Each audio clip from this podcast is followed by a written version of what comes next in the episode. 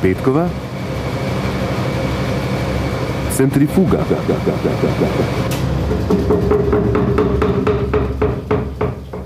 Pokalo je, repotalo, teda straha v kosti.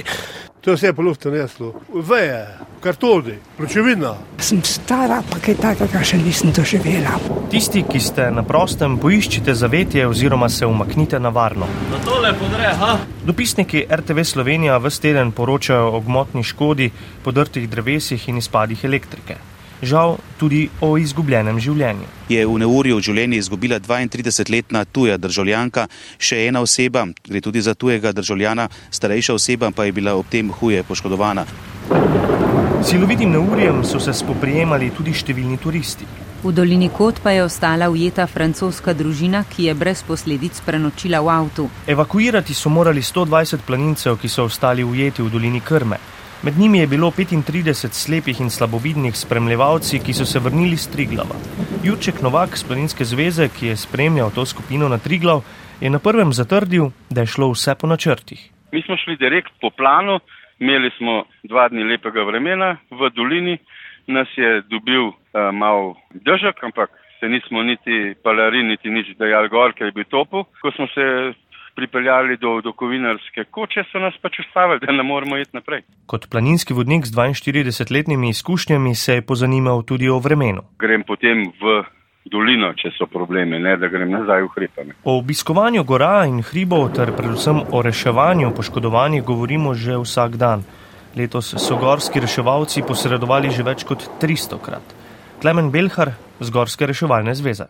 Obisk gora v dneh, ko so neurja, res ni primeren. V teh dneh morda tudi tujcem ne bi škodovalo nekaj stereotipno slovenskega spremljanja vremena. Kljub številnim opozorilom in skrbi za lasno odgovornost, ki nam jo nalaga zakon, poskrbite zase in za druge, dodaja vodja civilne zaščite Srečko Šestan. Zakon ni pomemben, pomembno so naša življenja. Zaradi podnebnih sprememb pa bo treba spremeniti tudi zakone. Državni sekretar na Ministrstvu za obrambo Rudi Medved. Da bi nekako ločili te nujne sanacije in te, za te nujne sanacije potem eh, lokalnim skupnostim tudi bistveno prej eh, lahko zagotovili sredstva. Kaj takega življenja še nismo doživeli? Se niti ven nismo upali, dok je bilo takle. Ničesar ni več ostalo. Medtem ko iščemo zavetje pred orkanskim vetrom in točo, na jugu Evrope iščejo vodo. Starejši Grk je 32 let živel v hiši, ki mu jo je vzel požar. So zami v očeh je dejal, da ne ve, kako bo živel naprej. Skoraj celotno severno poloblo pesti izredna vročina.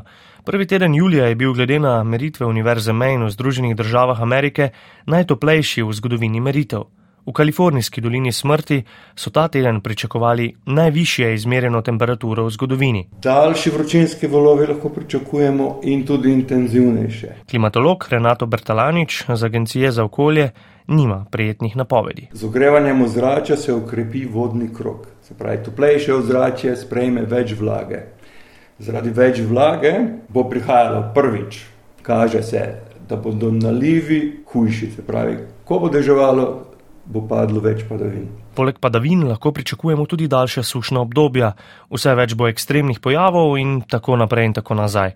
Ne glede na pojav El Ninja, ki vpliva na podnebne razmere, dejstvo je, da živimo v obdobju resnične podnebne krize, ki smo si jo z osnaževanjem okolja in spodbujanjem globalnega segrevanja zakuhali sami. A kaj, ko vse to zveni dolgočasno in se ponavlja kot stara lajna? Opozarjanje na to pa lahko tudi smrtno nevarno. Ameriški vremenoslovec Chris Gloninger je bil zaradi opozarjanja, da so ekstremni vremenski pojavi tudi posledica globalnega segrevanja, tarča napadov, tudi grožnje smrtjo, kar ga je na zadnje prepričalo, da opusti svoj poklic. Nekateri raje grozijo smrtjo vremenoslovcem, kot da bi iskali dejstva. Za začetek bi bilo dovolj pogledati skozi okno, stran od tako imenovanih alternativnih dejstev, ki se jih najde predvsem na družabnih omrežjih.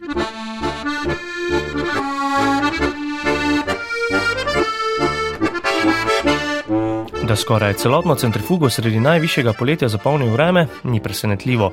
A kaj, ko vreme ni več tista kisla kumarica, ki bi polnila poletno programsko schemo, kot recimo vprašanje trdnostne zveze med princem Harryjem in Meghan Markle Ali pa to, da se še vedno ne ve, kje točno je vršilec dožnosti generalnega direktorja RTV Slovenija Andrej Grah Watmov. Ta hiša ne razpolaga z naslovom dejanskim prebivališčem vršilca dožnosti generalnega direktorja. Svet RTV Slovenija s predsednikom Goranom Forbicijem na čelu ga mrzlično išče že od svoje ustanovitve.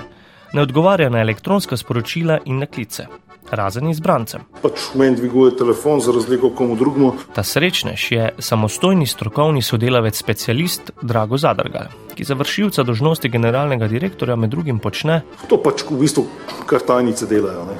Čeprav je nova uprava RTV Slovenija že tri četrtinska, iskanje še vedno poteka, a le za določen čas, saj bo kmalo tudi uprava začela delovati. Osnovni prvi cilj je normaliziranje odnosov, da ljudje nehajo stres doživljati na dnevni bazi, da ljudje nimajo več občutka, da so neke vreče krompirja, da se z njimi dela, kot se pač z ljudmi ne dela. Skratka, da se normalizacija odnosov je čist prvi pogoj. Če bo želela nova uprava s predsednikom Zvezdanom Martičem spremeniti krvavo ranjen javni servis v moderno radio-televizijo, se bo tega morala lotiti previdno, a vseeno preudarno, še posebej v izvajanju programskih in novinarskih smernic. Izjave o dobrih namenih genocidnega voditelja na javno televizijo pač ne sodijo. Pa je to žal le ena izmed posledic uničujočega neprofesionalizma, ki zadnje dve leti meče slabo luč na to hišo. Svet se ne vrti zgolj in samo okoli RTV Slovenija. Posem prav ima komentatorka na multimedijskem portalu. Slovenija se vrti tudi okoli zakona o dolgotrajni oskrbi, čeprav ostaja še veliko neodgovorjenih vprašanj. Med drugimi, kdo bo dejansko upravljal to delo, ampak tudi te bodo poiskali, samo da bo dovolj evropskih sredstev. Vse ob svojem času bi rekli ministri in ministrice, čeprav včasih ne vedo niti o čem na vladi glasujejo. Nevihni sistem pa se je zdaj očitno na vrhuncu poletja zgrnil še nad socialni dialog, iz katerega so izstopili delodajalci.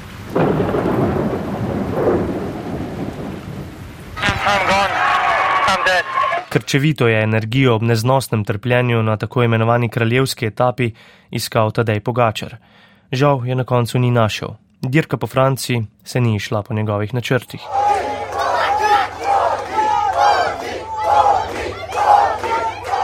Športni direktor ekipe Bahrain Victorious Gora Štangel je v podkastu Tour 202 opozoril, da so kljub vsemu to še vedno neverjetno dobri načrti.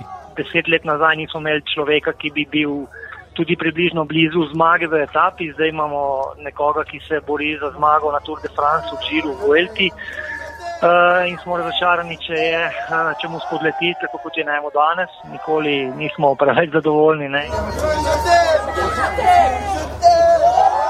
Prepogosto iščemo razloge za nezadovoljstvo na vseh področjih, a včasih ne gre drugače. Zgodbe številnih prebivalcev Slovenije so takšne, da so upravičeno jezni, saj jih je sistem pozabil. Po najnovejši raziskavi Eurostata jih nekaj več kot 15 odstotkov ni zmožnih plačati enotedenskih počitnic. Čeprav je odstotek nižji od evropskega poprečja, ki znaša slabih 30 odstotkov, je revščina še vedno prisotna ne glede na to, da nekateri kazalci kažejo, da bolje skoraj ne bo nikoli. Za me to zelo pomeni, ker jaz sem tudi Ukrajinka in eh, rada pomagam otrokom svoje države. Vedno znova na koncu najdemo medsebojno solidarnost, ne glede na to, kdo smo in odkot prihajamo. Mark,